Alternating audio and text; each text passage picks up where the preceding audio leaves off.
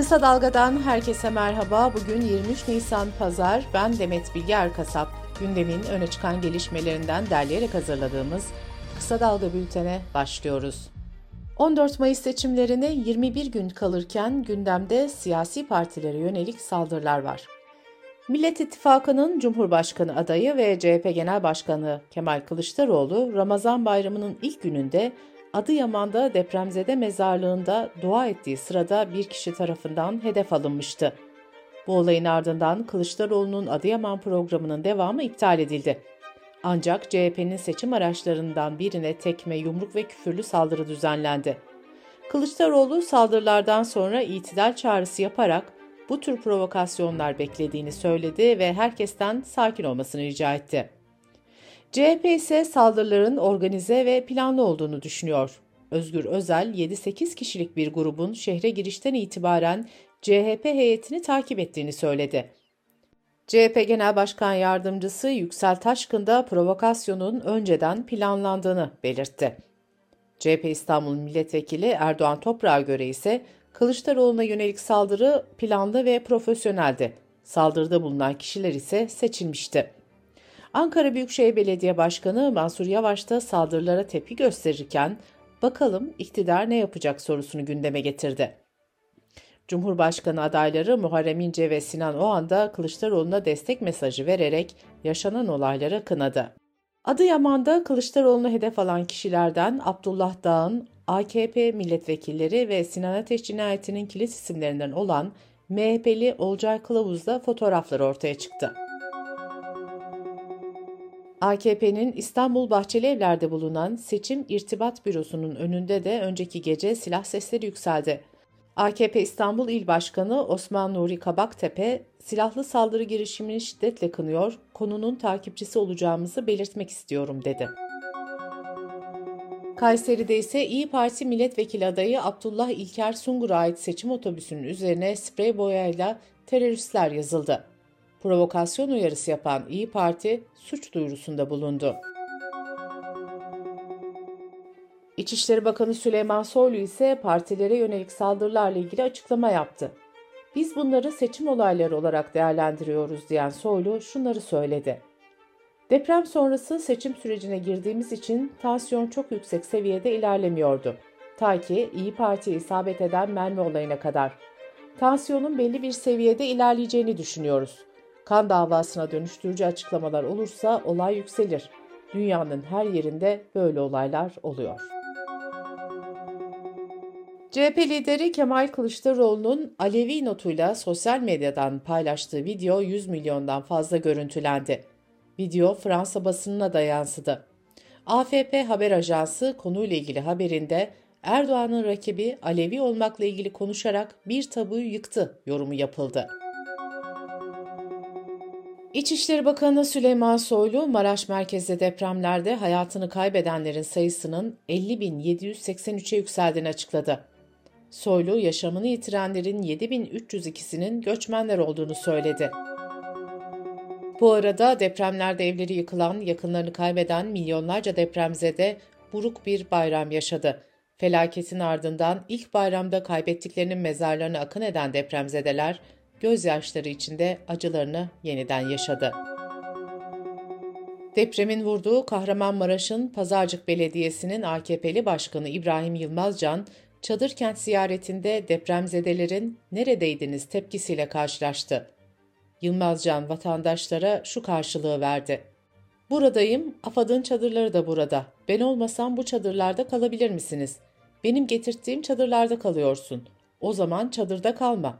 Ben seçilmiş belediye başkanıyım, 18 bin oy aldım. Yılmazcan'ın bu sözleri büyük tepkilere neden oldu. Kısa Dalga Bülten'de sırada ekonomi haberleri var. Cumhurbaşkanı Erdoğan, Karadeniz gazının devreye alınmasıyla konutlarda kullanılacak mutfak ve sıcak su tüketiminde 25 metreküp doğalgaz tüketiminden ücret alınmayacağını açıklamıştı. Bedava doğalgazın tarihi ve detayları da belli oldu. Hürriyet'in haberine göre konutlarda 20 Nisan sonrasında gelen ilk faturalarda tutar sıfır olacak. Bir gün önce örneğin 19 Nisan'da fatura kesildiyse aynı tüketicinin bir sonraki faturasından ücret alınmayacak. 19 Nisan'da kesilen faturadan sonra ücretsiz fatura dönemi ise 19 Mayıs'ta başlayacak. CHP Genel Başkan Yardımcısı Ahmet Akın ise iktidara geldiklerinde kış aylarında dar gelirlilerin bedava doğalgaz kullanacağını söyledi. Bu arada Ahmet Akın'ın verdiği bilgiye göre son 32 ayda 17 kez doğalgaza zam yapıldı. Milyonlarca kiracı ve ev sahibi %25 zam sınırının uzatılıp uzatılmayacağını merak ediyordu. Çevre, Şehircilik ve İklim Değişikliği Bakanı Murat Kurum, konutlarda kira artışını %25 ile sınırlayan ve 1 Temmuz'da sona erecek olan düzenlemeyi uzatacaklarını açıkladı. Merkez Bankası ve ekonomi yönetiminin döviz alımını azaltmaya yönelik adımları döviz işlemlerinin bankalardan kapalı çarşıya kaymasına yol açmıştı. Sözcü gazetesinden Mehtap Özcan Ertürk'e konuşan ekonomist Atilla Yeşila da dövizde oluşan ikili kur düzeninin risklerine dikkat çekti. Yeşila da yakında kapalı çarşıya müdahale beklenebilir döviz büfelerine komisyon kuralı gibi kısıtlamalar gelebilir diye konuştu. Türkiye Esnaf ve Sanatkarları Konfederasyonu Genel Başkanı Bendevi Palandöken, esnafa da EYT imkanı sağlanmasını istedi. Staj mağdurlarının emeklilik sigortalarının yatırılmadığını ve bu durumun mağduriyete yol açtığını belirten Palandöken, yeni bir düzenleme yapılmasını talep etti. Dış politika ve dünyadan gelişmelerle bültenimize devam ediyoruz. Brezilya resmi makamları 19 Nisan çarşamba gecesi Santos limanındaki bir gemiye düzenlenen operasyonda 117 kilo kokain ele geçirildiğini duyurdu. Yetkililer geminin rotasının da Türkiye olduğunu belirtti. Geçen yıl 162 milyon ton yükleme yapılan Santos Limanı, Latin Amerika'nın en büyük gemi limanı. Bunun yanı sıra liman, özellikle Afrika ve Avrupa'ya kokain sevkiyatının merkezlerinden biri olarak biliniyor. ABD Senatosu Dış İlişkiler Komisyonu Başkanı Bob Menendez, Türkiye F-16 satışına karşı olduğunu bir kez daha dile getirdi. Yunanistan Devlet Televizyonu'nda konuşan Menendez, Atina-Ankara ilişkilerinin seçim sonuçlarına bağlı olacağını dile getirdi. Menendez ayrıca Türkiye ile yapılan anlaşmanın mevcut uçakların füze sistemlerinin değil, sadece yazılımlarının yükseltilmesi amaçlı olduğunu belirtti. Yunanistan Başbakanı Mitsotakis, Cumhurbaşkanı'ndan parlamentoyu feshetmesini ve genel seçimlerin 21 Mayıs'ta yapılmasına onay vermesini istedi. Mitsotakis'in talebini onaylayan Cumhurbaşkanı da ülke menfaati için sakin bir seçim dönemi geçirmenizi diliyorum dedi. Birleşmiş Milletler'in son raporuna göre dünya genelinde deniz seviyesinin yükselme hızı geçen 10 yılda 2 kattan fazla arttı. Son 30 yılda deniz seviyesindeki yükselme 10 santimetreyi geçmiş durumda. Dünya Meteoroloji Örgütü'nden yapılan açıklamada şöyle denildi. Buzulların erimesi ve deniz seviyesinin yükselmesine karşı mücadeleyi çoktan kaybettik. O kadar yüksek seviyelerde sera gazı salındı ki sular binlerce yıl yükselmeye devam edecek.'' Kanada'da erkek milletvekilleri kadına şiddete dikkat çekmek için pembe topuklu ayakkabı giydi. Görüntüler sosyal medyada paylaşılarak kadına şiddete hayır mesajı verildi. ABD Yüksek Mahkemesi kürtaj hapına erişimin devam etmesine karar verdi. Bu kararla bir alt mahkeme tarafından ilacın kullanımına getirilen kısıtlamalar geçici olarak durduruldu. Karara konu edilen ilaç hamileliğin ilk 10 haftasında gebeliği sonlandırmak için kullanılıyor.